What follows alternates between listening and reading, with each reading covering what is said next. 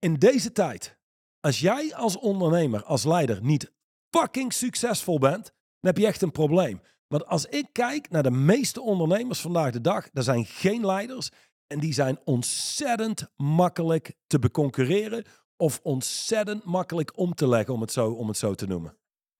Welkom bij de Straight Line Podcast, de leiderschapsdialoog met diepgang en inhoud. Iedere week opnieuw een eerlijk gesprek over radicaal effectief leiderschap in turbulente tijden. En over winnen in het leven. Welkom bij de Straight Line Podcast met Mandy en Johan van der Put. Mensen die leven in de cirkel jagen dromen na. Voor straightline leiders hebben dromen geen vaste betekenis. Dromen moet je negeren. Of je moet ze omzetten in een concreet project. Er is niks mis met dromen, maar je hebt er alleen iets aan wanneer je jouw dromen en het fantaseren en overdenken omzet in een project waar je daadwerkelijk iets mee kan. Een concreet project haalt je uit de kinderlijke droomwereld van hoop en verandering en het bevrijdt je van het ondermijnende willen en brengt je naar het veel krachtigere verantwoordelijkheid nemen. Dit is de start van hoofdstuk 15 uit het boek Straight Line Leadership. Een droom versus een project. Hetgeen wat me altijd bijstond was, we hebben het vertaald naar een droom is kinderlijk. Maar ik geloof in het Engels stond een infantiele kinderdroom. Als je het zo letterlijk zou vertalen, vind ik ook wel een mooie. Omdat veel mensen doen aan dromen. En dromen geeft een soort warme gevoelens. En je kunt jezelf daar makkelijk in kwijtraken. Het heeft niks te maken met de echte wereld. Dus het is ook infantiel. Weet je, we hebben een dochter van acht en die droomt over een paardenbedrijf later. En van alles en nog wat. Ze droomt ook over een spionnenclub. Ja. En over een nightclub en een studieclub. en een eenhoorn uh, die ze nog ooit gaat bezetten. Dus dat past heel goed bij kinderen. Ja. Dus een, um, een droom is voor infantiele volwassenen, oftewel kinderachtige volwassenen. En een project, dat geeft veel meer body, skin in the game. Het maakt het ook echt. Want een project is, oké, wanneer moet dit gedaan zijn? Wat zijn noodzakelijk vereiste acties? En dan haalt je naar de, van, vanuit de droomwereld naar de realiteit. Laat duidelijk zijn, ondernemen speelt zich af in de realiteit. En ondernemen in de realiteit heeft meer te maken met rugby dan dat het te maken heeft met schaken. Schaken is nog hier lekker aan tafel en je zet je pion daar en je paard daar en je koningin daar. Maar laat ik zo zeggen, het is niet pijnlijk of verliezen misschien, maar op zichzelf de acties niet. Dus ik snap dat veel mensen blijven leven in een droomwereld omdat het zo comfortabel is. Het is wel een wereld waarin je heel veel wil, maar uiteindelijk niet komt tot daadwerkelijk realisatie. Dus dat maakt het vrij kinderachtig. Kinderen die dromen, dat is logisch, maar volwassen ondernemers die dromen. Is een beetje ehm, vreemd. Ja, en ook niet lekker. het, uh, stuk wat ik net las eindigde met het bevrijdt je van het ondermijnende willen en brengt je naar het veel krachtigere verantwoordelijkheid nemen. Wat daar direct onder staat is, en begrijp me goed, verantwoordelijkheid heeft niets te maken met schuld hebben. Ja. Het betekent simpelweg, je kunt op me rekenen. Ik kan op mezelf rekenen. Ik heb dit. Ja. Dus er is een onderscheid tussen schuld hebben en verantwoordelijkheid nemen. En je kunt zelfs verantwoordelijkheid nemen in situaties waar jij niet eens schuld aan hebt. Mhm. Ja, als je kijkt naar een sales team waar we het over hadden in onze vorige podcast. En die leven in een wereld van omstandigheden. En je legt verantwoordelijkheid bij ze neer. Oké, weet je, dankjewel voor je hele rapport. En wat ga je eraan doen? Mensen hebben een neiging, in plaats van verantwoordelijkheid te nemen, verantwoordelijkheid te zien als schuld. Oh, dus nu is het mijn schuld dat de markt niet aantrekt. Nu is het mijn schuld dat die klant nee zei. Nee, dat is niet wat ik zeg, maar je bent wel verantwoordelijk. Want als je dat stopt te creëren, ja, dan leg je al je kracht buiten jezelf neer en dan maakt je überhaupt een slachtoffer.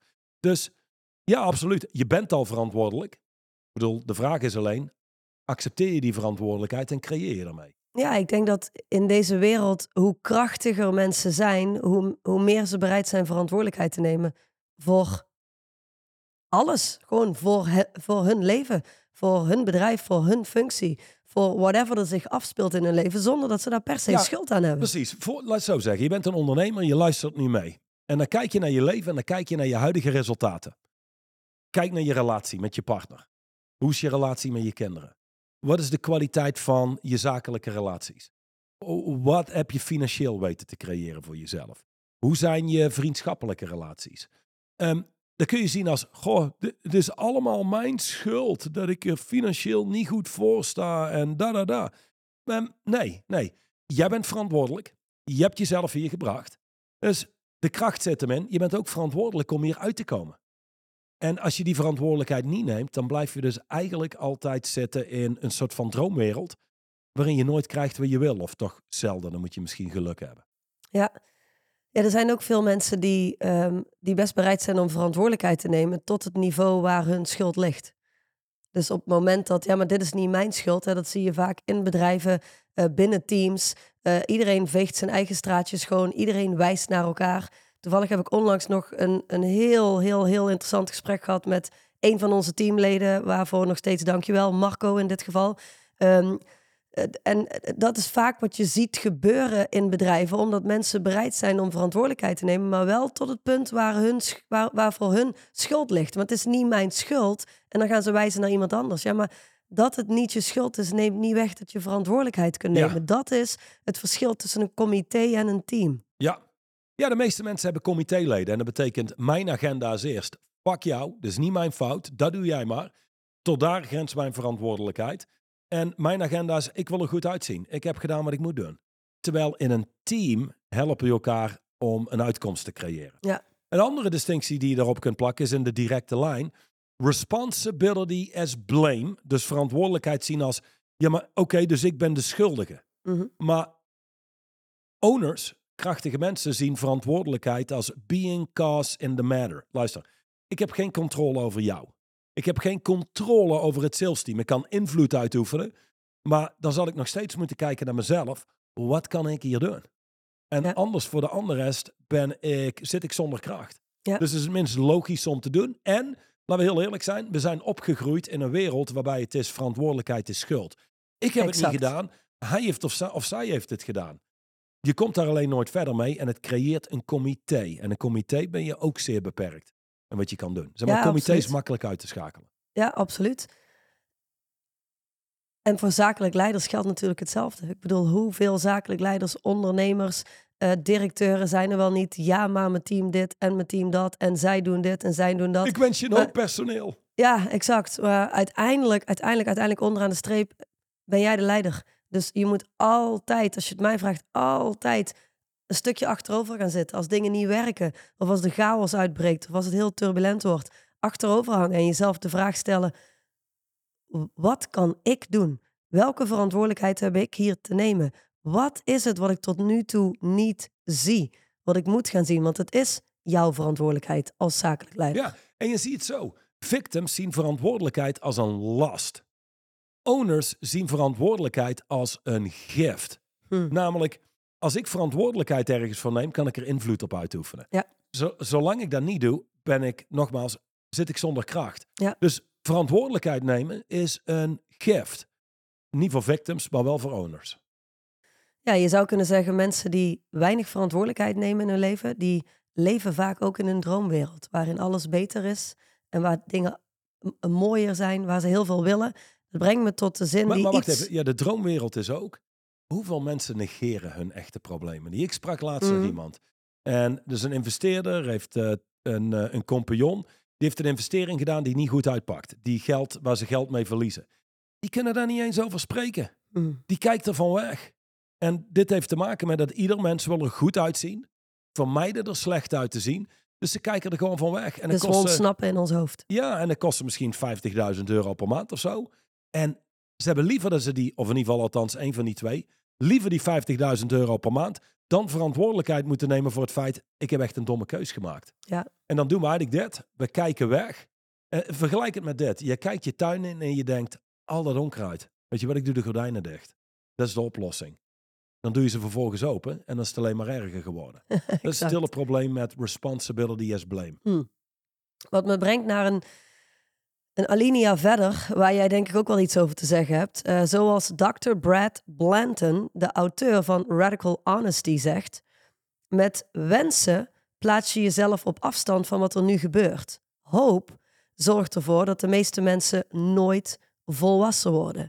Dat, dat doet mij denken als ik, als ik woorden als eh, de hoop hoor. Ik zie je al glimlachen.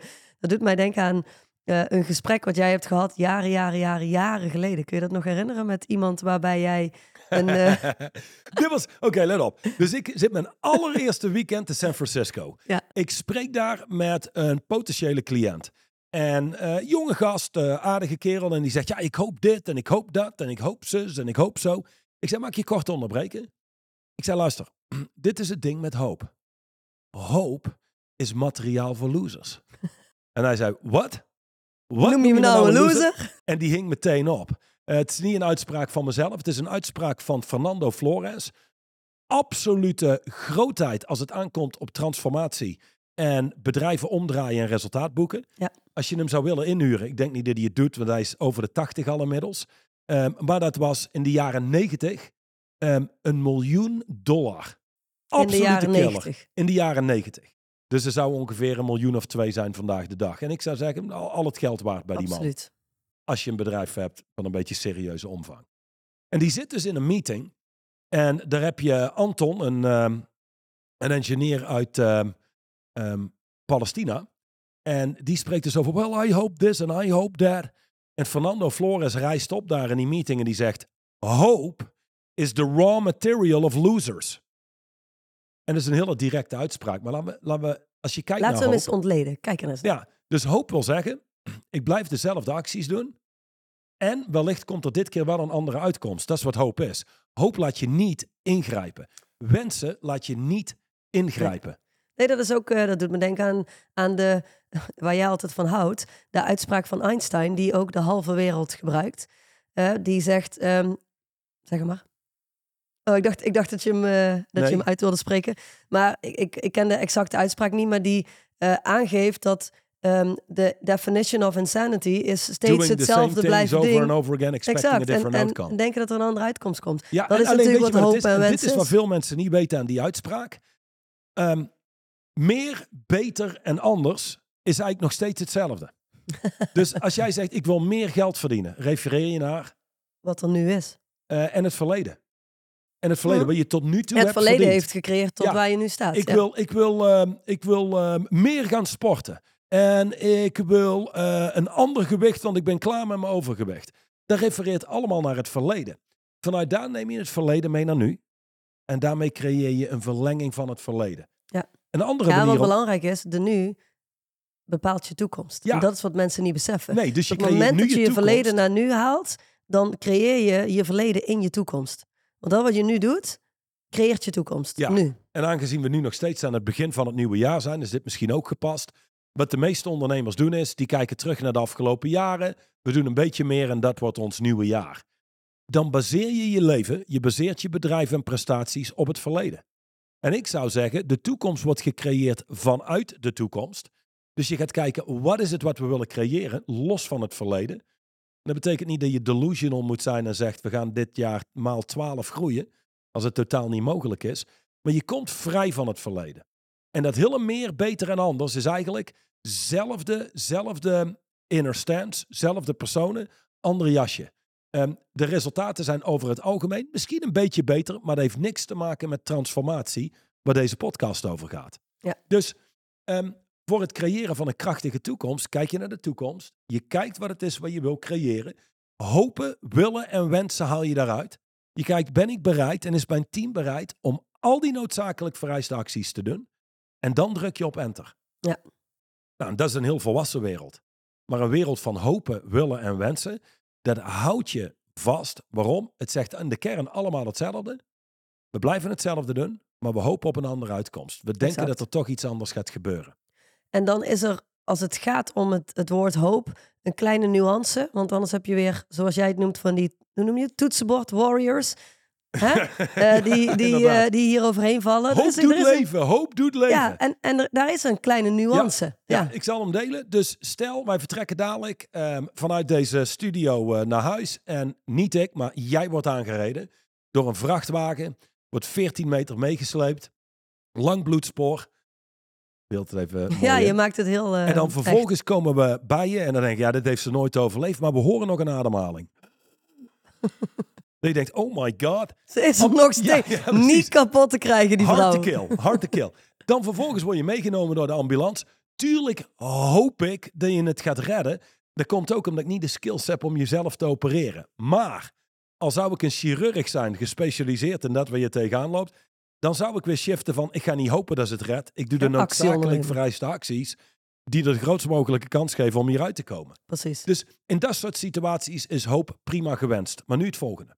Stel, ehm, wij, zijn, wij zien er ook wel uit als militairen. We zouden natuurlijk absoluut een soort Rambo's zijn. Een soort van two-man army. Ja, En absoluut. nu zijn we met z'n tweeën. Zie het zo trouwens. Er is een film over gemaakt. Dus Lone Survivor heet die film. Film met Mark Wahlberg. En het gaat over de eerste missie naar Afghanistan. Nou, die eh, worden opgemerkt. Die krijgen daar dat hele dorp achter hen aan. Twee, 300 strijders. En zij zijn met een clubje van zes man of acht man, geloof ik. Let op. Die mannen staan met hun rug tegen de muur. Er is geen luchtsteun. Er is geen calvarie of zo die ze gaat redden. De- de- dus luister. It's up to us to save our own ass. Nou, let eens op.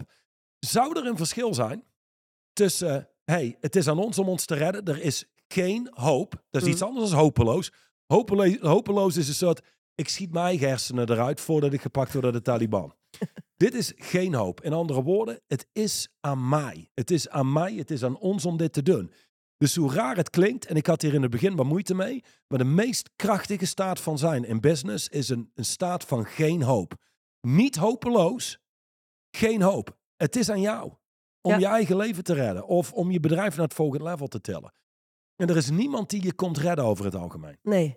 Dat doet me denken aan wat je in de podcast van vorige week zei over eh, Johan Krijgsman van ERA. Eh, niet specifiek over hem, maar over het feit dat je zei, ja, de, de huizenmarkt eh, die, die is nu ehm, eh, in aan het storten of het is allemaal een wat moeilijkere 15% tijd. minder transacties. Ja, Ja, dus het is een, een moeilijkere tijd. Ehm, uiteindelijk heb je heel veel ondernemers en heel veel zakelijk leiders die ook aan het hopen zijn dat het bijtrekt. Die aan het hopen zijn dat het allemaal goed komt. Je zou bijna kunnen zeggen, die in een droomwereld leven en wachten tot het moment dat ze weer eh, Schitterend. en gas dat kunnen maakt geven. het zo makkelijk voor echte leiders om, Om te, te winnen. winnen. Luister, la- la- dit is ook wel een goeie. In deze tijd, als jij als ondernemer, als leider niet fucking succesvol bent, dan heb je echt een probleem. Want als ik kijk naar de meeste ondernemers vandaag de dag, er zijn geen leiders en die zijn ontzettend makkelijk te beconcurreren of ontzettend makkelijk om te leggen, om het zo, om het zo te noemen. Dus eigenlijk zeg jij, als je nu niet ontzettend succesvol bent, dan heb, jij zegt, dan heb je echt heb een je probleem. niks maar te eigenlijk zoeken in het land van ondernemers. Ja, uiteindelijk heb je inderdaad, je hebt niet per se een probleem. Je hebt een, een, een shift te maken, een keuze te maken. Want in deze tijd, ondanks dat iedereen zegt dat het in deze tijd moeilijker is dan ooit, is het in deze tijd met zoveel zwakte makkelijker dan ooit om te winnen. is waar. Is dat wat je zegt? Ja, zeker. En eh, Dana White is de eigenaar van de UFC. Bedrijf gekocht in de jaren negentig. Dat- Voor- Die, die, die man die zijn vrouw slaat? Nee. Ja, ja, de- Ja, dat, is dan een jammer. happening nu, hè? Dat is dan weer jammer. Toevallig afgelopen week. Maar even los Vorige van het week, feit ja. dat hij zijn vrouw slaat. Ik bedoel, Nou, dat is de vraag, hè, hoe, hoe, hoe, hoe verschrikkelijk dat incident was. Maar de media stond er vol van. ik heb, ik heb geen idee. Nee. Ik, ik probeer toch te voorkomen dat ik jou in de toekomst sla. En dat ik eh, Laten we dat eh, mezelf moet verantwoorden daarvoor. Maar laten we zeggen, even...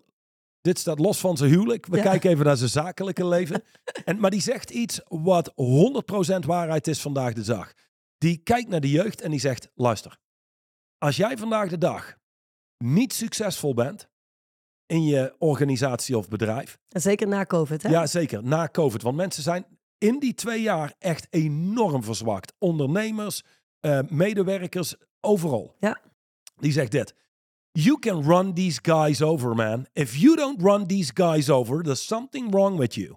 En daar geef ik hem gelijk in. Omdat als ik om me heen kijk, de ondernemers die Ja, met COVID konden we eigenlijk niks doen. En dat was allemaal lastig. Ja, we zijn nu weer in, de, in gang aan het trekken. Tijd geleden hoorde, hoorde ik van een ondernemer. Ja, we doen nu weer de eerste dingen live. Toen dacht ik, Jesus Christ man. eh, Wij deden, Wij alles live, ook in Na 2020. een maand of zo, alles weer live. Ja. Ehm, dus we leven gewoon in een wereld waarbij het is, er liggen nu zoveel kansen en zoveel mogelijkheden. Daar heb je de groep die leeft in een of andere droomwereld. Met hopen en willen en wensen. En daar heb je de mensen die bereid zijn om te doen wat nodig is. Met alle respect, maar als ondernemer is het nooit makkelijker geweest dan nu. Oprecht. Dat is een hele hoopvolle boodschap. Iets verderop in het boek ehm, staat Ik ook heb iets. toch weer hoop nu. Dat ik zag het eigenlijk niet met hem. Ik heb weer hoop. Dank je, Johan. Je hebt me hoop gegeven. Nee, jij. Ehm, iets verderop in hoofdstuk 15, inderdaad, waren we. Een droom versus een project. Staat een stuk tekst, wil ik even lezen, omdat ik benieuwd ben wat jij daarop te Kan je zeggen die hebt. quote er ook nog uithalen trouwens? Oh, wil je dat eerst? Het maakt me niet uit wat jij wil. Maar je wil graag dat die ook benoemd wordt. Ja. Nou, dan gaan wij eerst naar pagina 74 in plaats van 75. Voor degenen die denken, dit- die podcast gaat van hot naar her. Ja, dat is waar. Dat is oké, blijf gewoon focussen. maar dat mag toch ook? Het is Ja. toch onze podcast? Dat is het hele idee van podcasten, toch? Dat je gewoon je ding doet. Oké, op pagina 74 van het briljante boek Straight Line Leadership staat een quote van Douglas Everett. There are some people who live in a dream world. And there are some who face reality. And then there are those who turn one into the other.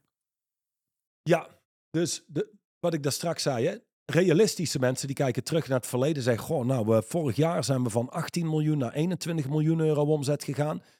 Moeten we nu 23, 24 miljoen halen? Je zou kunnen zeggen, dat is een realistisch persoon. Je zou kunnen zeggen, die they face reality. Ja, nou, dan heb je mensen die leven in een droomwereld en die zeggen, "Eh, wij wij starten de nieuwe Facebook. Wij eh, hebben de, de nieuwe goud in handen. Oh ja, ze hebben wel ooit een cliënt gehad die had een, een bedrijf met een, eh, weet ik veel, een miljoen omzet of zo. En die had gezegd, ehm, mijn doel is over twee jaar 100 miljoen. Ja, dat is geen cliënt geweest, maar ehm, een man die in... ehm, Ja, oké, sorry, niet, online, niet, niet eh, van leadership. Ik zou, niet Ja. van straight leadership, ja. Ja. Maar toch? En, en vervolgens, ehm, ja, dat, dat is eigenlijk delusional, zou je kunnen zeggen. Exact. Maar dus die leven in een droomwereld. Ja, maar als jij iemand bent eigenlijk die die twee kan samenvatten, dus los van het verleden, kijkend naar de toekomst en wat er mogelijk is, en dat gaat verder dan alleen je eigen prestaties.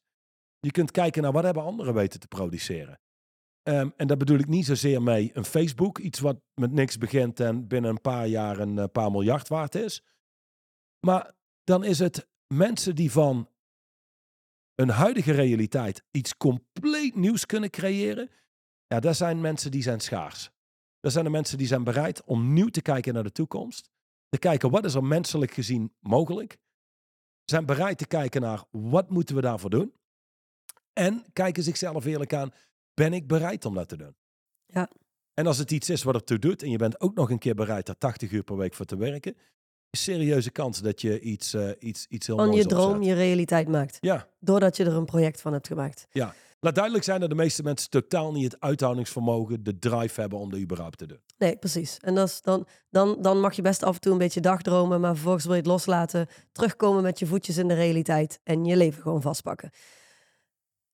Ik heb je nu in, deze podcast en, en überhaupt deze dag ehm, een aantal keer horen spreken over los van het verleden.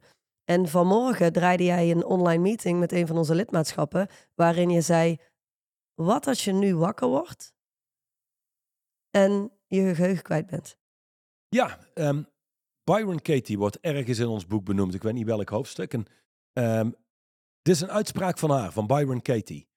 Who would you be without your past? En voor mensen die gaan zitten en daar daadwerkelijk bij stilstaan en naar kijken en je wordt ochtends wakker en je hebt geen verleden. Je hebt, laat zeggen, geheugenverlies. Wie ben je dan nog? Want wie je bent, je inner stand, staat niet in je DNA geschreven. Dus dan word je wakker en dan betekent toch, je zult jezelf opnieuw moeten uitvinden. De identiteit waar je vandaan komt is gecreëerd in het verleden, op, vaak op basis van events, beslissingen die je maakt. Ja. ja, goh, ik zal nooit heel succesvol zijn of hey, onze familie, dat is geen normale familie. Wij zijn absoluut killers, wij zijn succesvol. Nou, dat soort beslissingen nemen mensen over zichzelf. Ja, precies. Want je zegt ehm, gebaseerd op events. Eh, maar wat je natuurlijk eigenlijk bedoelt is gebaseerd op de, de beslissingen, dat zeg je al. Maar de verhalen die dus vervolgens, alle verhalen die we hebben over events en over onszelf, hebben uiteindelijk onze identiteit opgebouwd. Dus als jouw geheugen gewist wordt vandaag en al die verhalen zijn er niet meer, heb je letterlijk Een alle ruimte canvas. om, om dat helemaal opnieuw op te Ja, bouwen. En, en dat is- toch leven mensen vanuit de mm, overtuiging dat er een echte ik is. Ja. Ja, absoluut. Weet je hoe vaak je dat niet hoort? Wel, de real me, de echte ik, de ware ik. Wijs het eens aan. Ja. Weet je wel, er is er nooit iemand opengesneden en dat ze zijn gaan zoeken. En, ah, nee, daar wacht, zit oh, hij. Hier hebben we hem. De echte ik. Nee. en voor degenen die al die podcasts geluisterd hebben, die zullen gemerkt hebben, oh, Johan of Mandy, of, het is niet altijd hetzelfde. Degene die luistert is niet eens altijd hetzelfde. Dus er is een inner stance waar je normaal gesproken vandaan komt. Mhm.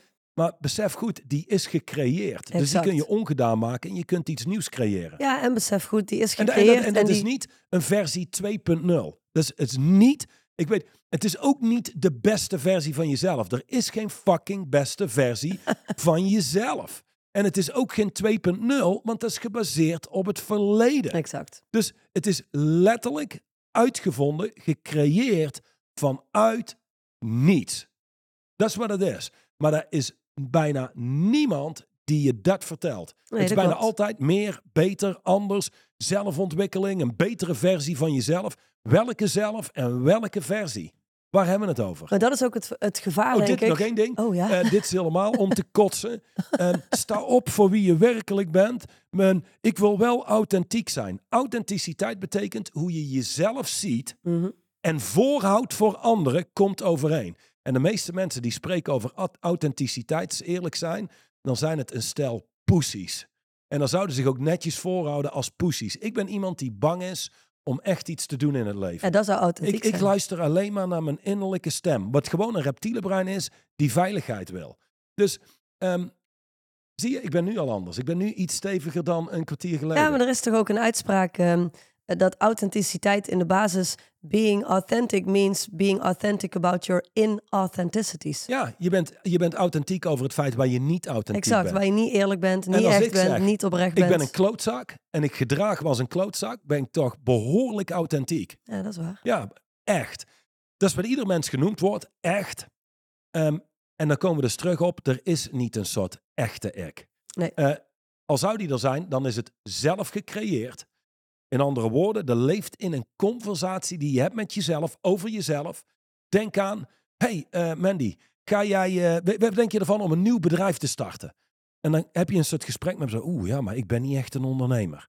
Nou, dat wijst al naar een soort dieper gelegen ik, die gecreëerd is, zelf verzonnen zou je kunnen En zeggen. die, en die ook non-stop gecreëerd eh, wordt. Iedere keer opnieuw wordt die gerecreëerd door de conversatie waarin je leeft. En, en door de je eigen verklaringen. Exact, Oh, de maar dat zou ik en nooit kunnen. Oeh, dat is, voor mij is dat heel moeilijk. Ja. Hey, wij zijn 10% gegroeid, maar voor ons is dat heel goed. Waar iemand naar wijst is niks anders dan zijn zelf gecreëerde inner stance, waarvan we vergeten zijn dat we hem ooit zelf hebben Exact. aangenomen. Dus het Ja. is onbewust gecreëerd. En de, wat staat aan het begin van het boek is, de belofte van straight line leadership is, je kunt die positie waar je vandaan komt, die houding, opnieuw uitvinden. Ja. En dat staat los van het verleden.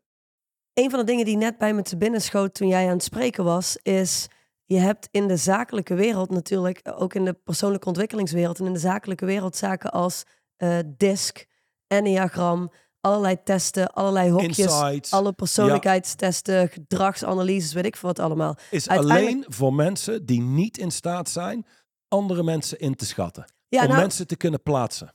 Exact. Nou ja, goed, zo, eh, zo- heel goed hoe je dat zegt. Uiteindelijk, als een leider is het heel interessant om, eh, als je niet in staat bent om mensen te kunnen lezen en te kunnen plaatsen, wat je zou kunnen leren op een andere manier, maar is het een handige tool, zou je kunnen zeggen. Ook Tegelijkertijd, Niet, ook niet. En ik zal vertellen waarom, want Ja. het is de grootste nonsens. Alle mensen die bij ons binnen zijn gekomen, die zeiden... Ja, we hebben tot nu toe dit gedaan. En mijn mensen zijn rood of groen of dit. En we hebben ze allemaal op de juiste plaats. En ze functioneren voor geen fucking meter in de meeste gevallen. Nee. En hoe komt dat? Als jij een rood iemand hebt, twee rode mensen of whatever dat het is... Ja. En je hebt ook nog, zie het als gezondheidslevel. Ehm, iemand is bewust, je hebt iemand die is onbewust. Dan Ja. heb je mensen die kunnen hun eigen anus niet vinden met twee handen. Dus dan is het, wat hebben we hier nou eigenlijk bij elkaar staan? Ja, exact. Snap je? Ik En- snap het heel goed. En daarnaast, laat, laat ik zo zeggen, ehm, er is een, een business coach in België, ik ben zijn naam kwijt, die heeft daar een heel artikel over geschreven, hoe dat afkomstig is van überhaupt modellen die totaal kant nog wal raken. Nu, het ding is dit, het geeft een feestje van herkenning als iemand dat leest. Exact. Oh my god, zie je wel. En dat is Dit- eigenlijk waar ik naartoe wilde, of het punt wat ik wilde maken, waar ik eh, benieuwd ben wat je daarop te zeggen hebt, is ehm, uiteindelijk vind ik dat er een heel, heel, heel groot gevaar zit in al die testen. En als jij iemand bent die mensen die testen laat doen, dan wil je heel erg goed beseffen dat je mensen daarmee in hun brein nog veel verder in het hokje duwt en nog vaster duwt in de identiteit, in de identiteit die ze gewoon gecreëerd hebben, maar die ze helemaal niet zijn. Je kunt dat loslaten, je kunt dat opnieuw uitvinden.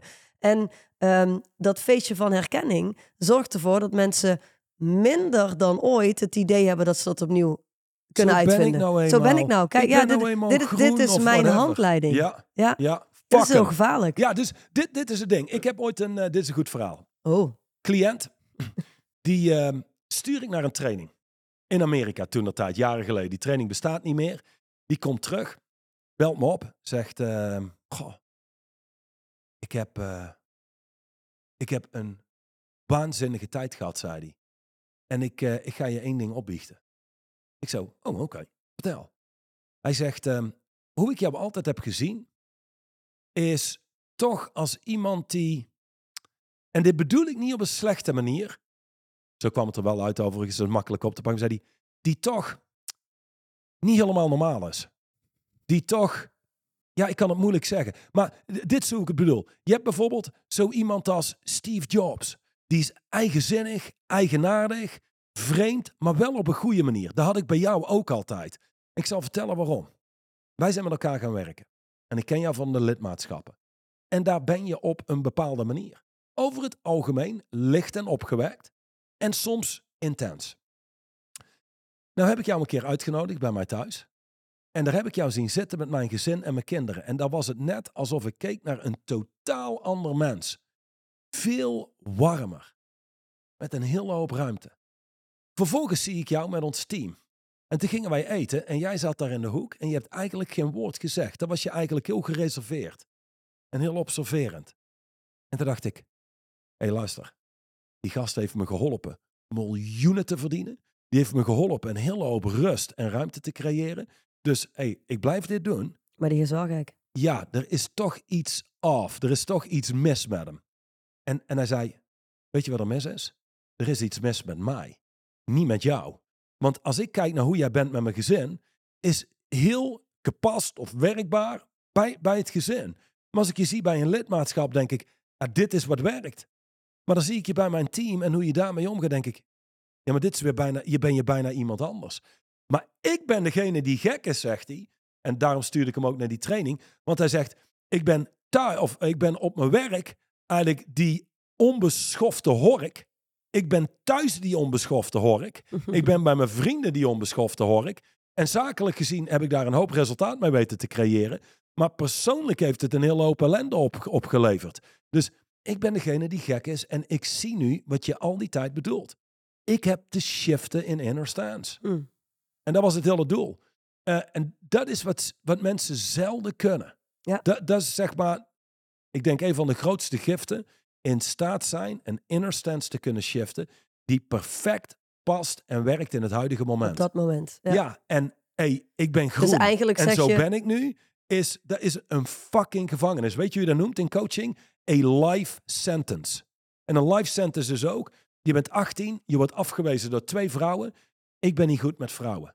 En dat ik ben niet goed met vrouwen is een, is een soort, je hebt levenslang gekregen. Dit Ja. is wie je daar op dat gebied bent. Dus eigenlijk wat je zegt is, ben gewoon, wat is het? Is wit het kleur van eh, het spectrum Nou, van alle kleuren? ik zou maar ben dit. gewoon, je, want je, wat jij zegt is, je kunt shiften naar iedere kleur, naar ieder nummertje, naar ieder typetje.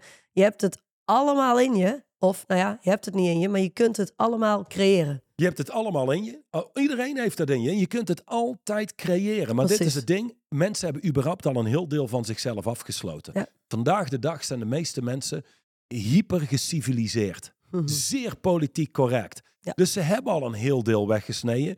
het deel waar over het algemeen het meeste kracht ligt als het aankomt op creëren. Creatie. Ja. Ja. Het, het, het, zeg maar de donkere kant. Ja, dus laat ik het nu even in perspectief plaatsen. Mhm.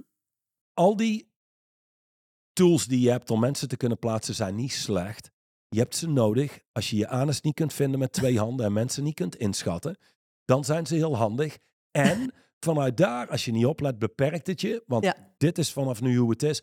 En dan En krijg je zelfs dit. Zo moet je spreken met die persoon. Want die is dit. En zo moet je weer spreken met die persoon. Dat je denkt, dit lijkt net een fucking kindercrash. Die is autistisch en dan moet ik zo mee doen. Die heeft een mentale afwijking en die kan niet tegen Harry. En dan die... En die heeft alleen maar schouderklopjes nodig en dan functioneert ja, hij. ja, d- d- er zou een bedrijf zijn waar ik van zeg, pak het, ik ben hier weg. Te moeilijk. Nou ja, goed. Eh, uiteindelijk wat, je, wat ik je hoor zeggen is...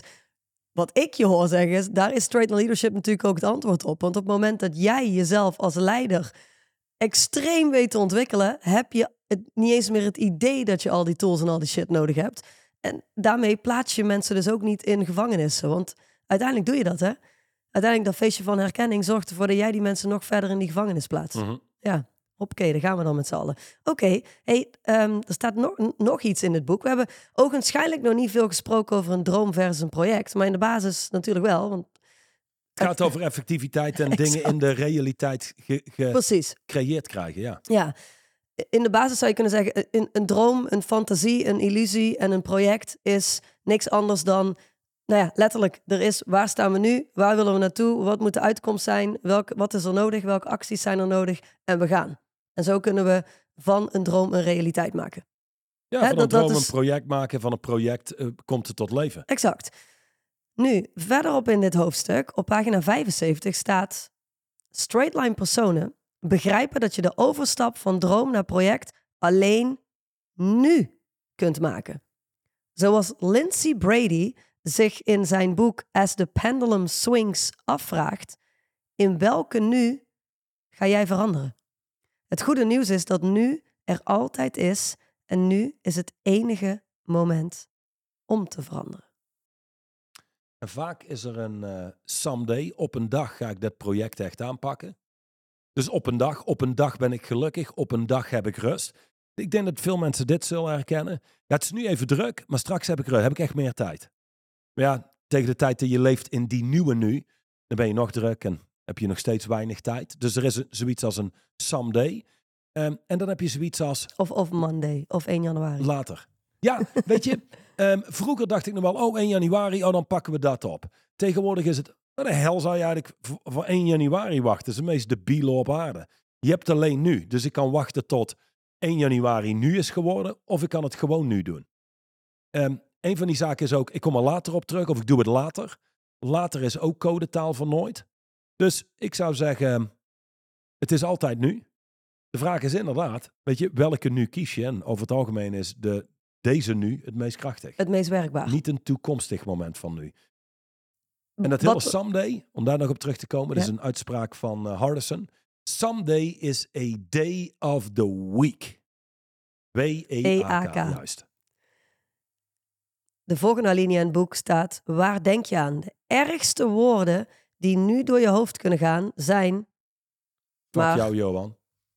Nee, dat Zij zijn, zouden mensen kunnen zijn denken. niet per se erge woorden. Die mogen ze ook als comment geven. Is waar. Doe maar. Onze keyboard warriors. Onze keyboard warriors. De ergste woorden.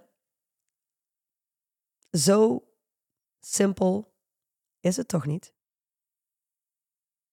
Als mensen zouden zien hoe simpel het is. Hoe dit- simpel het leven is. Dit is het ding met mens zijn. Mensen hebben een mind. Mensen hebben een reptiele brein. Mensen hebben eh, allerlei cre- creativiteit in zich. Als mensen zouden zien hoe simpel het is om succes te creëren. ehm, maar ook in onze lidmaatschappen. We, we delen zaken die zo simpel zijn dat ze denken, ja, maar zo simpel kan het niet zijn. Precies. En een mind is heel goed in dingen complex maken. Of zoals Johan Cruijff gezegd zou kunnen hebben. eh, iedere mafkees, iedere, iedereen met weinig intellect of eh, kan, zeg maar, iedere moron kan iets moeilijk maken. Maar je hebt een effectief mens nodig om iets simpel om het te simpel houden. te maken, ja. Het is niet simpel om complexiteit- dingen makkelijk te houden. Nee, precies. Complexiteit staat ook in direct verband met passiviteit. En eh, we hebben natuurlijk een samenleving waarin mensen extreem passief zijn. Maar dat komt ook omdat alles zo fucking s- je hoort mij niet vaak zeggen, maar zo fucking complex gemaakt wordt. Alles wordt zo ver doordacht door mensen, uitgedacht. Ze blijven maar allerlei scenario's schetsen. Inderdaad, dingen overdenken. En in je hoofd worden zaken zo ongelooflijk complex. En zolang je in je hoofd lekker complex zit te doen, kom je niet in actie. Gebeurt er gewoon niks. Ja, ja dus de, de, voortbedurend op die uitspraak, complexiteit staat in een direct ratio met niet iets willen confronteren. Ja. Dus als jij niet het gesprek met je ouders aan wil gaan dat je studie je niet bevalt, na verloop van tijd denk je, oh my god, hoe in hemelsnaam ga ik dat gesprek hebben? Uh, als jij je niet wil confronteren met het ontslaan van een medewerker, wordt het heel complex. Van, hoe ga ik daarmee om en hoe zou ik zo iemand kunnen ontslaan? Dus complexiteit, wat mensen ervaren in welke domeinen dan ook, zit direct gekoppeld aan iets niet durven of willen confronteren. Doe je dat wel, dan is wat er overblijft is iets simpels. Ik zeg tegen mijn ouders, deze studie is niet voor mij, ik ga iets anders doen. Of je zegt tegen die medewerker, we hebben alles geprobeerd, maar we komen er gewoon niet uit, het stopt hier. Als je dat niet wil doen, dan wordt het leven complex. Ja, en als het leven complex wordt, dan um, over het algemeen start je met het leven in een droomwereld. Mhm. Want je faced reality niet meer. En je zit in een wereld van omstandigheden. Dat is over het algemeen waar we terechtkomen. En je stopt met het creëren van projecten. Richting het einde van dit hoofdstuk staat nog één ding wat ik aan wil halen, omdat ik zeker weet dat jij hier een krachtige afsluiter van kan maken. Uh, iets wat mensen mee kunnen nemen. Er wordt wel eens gezegd dat aan het einde van je leven, je leven of een voorbeeld of een waarschuwing is geweest. Stel jezelf dan ook de volgende vraag. Wordt de rest van mijn leven een waarschuwing? Of wordt het een krachtig voorbeeld van waar een mens toe in staat is? is al een afsluiting op zichzelf, maar om daar een toevoeging aan te doen.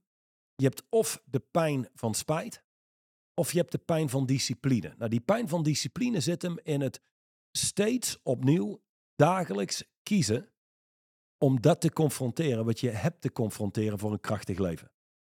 Um, steeds te kiezen, gedisciplineerd te kiezen voor het doen van noodzakelijk vereiste acties.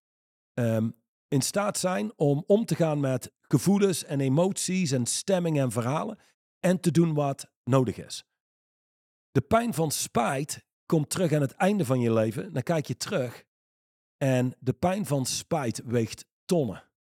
Tonnen ten opzichte van de spijt van discipline. De pijn van discipline. Ja, ja. de pijn van discipline. Uh, dus ja, je, er is altijd zoiets als pijn of nu pijn. Dingen te doen die je misschien liever niet doet of liever zou uitstellen. Maar de andere pijn is de pijn van spijt. En dan lig je daar en aan het einde van je leven, dan kijk je heel anders aan tegen tijd. En nu heb je het idee, ik heb al die tijd. tijd hebt. Ja. En dat is het grootste probleem. Die tijd heb je niet meer, je hebt het alleen maar nu. Dus welke nu wordt het?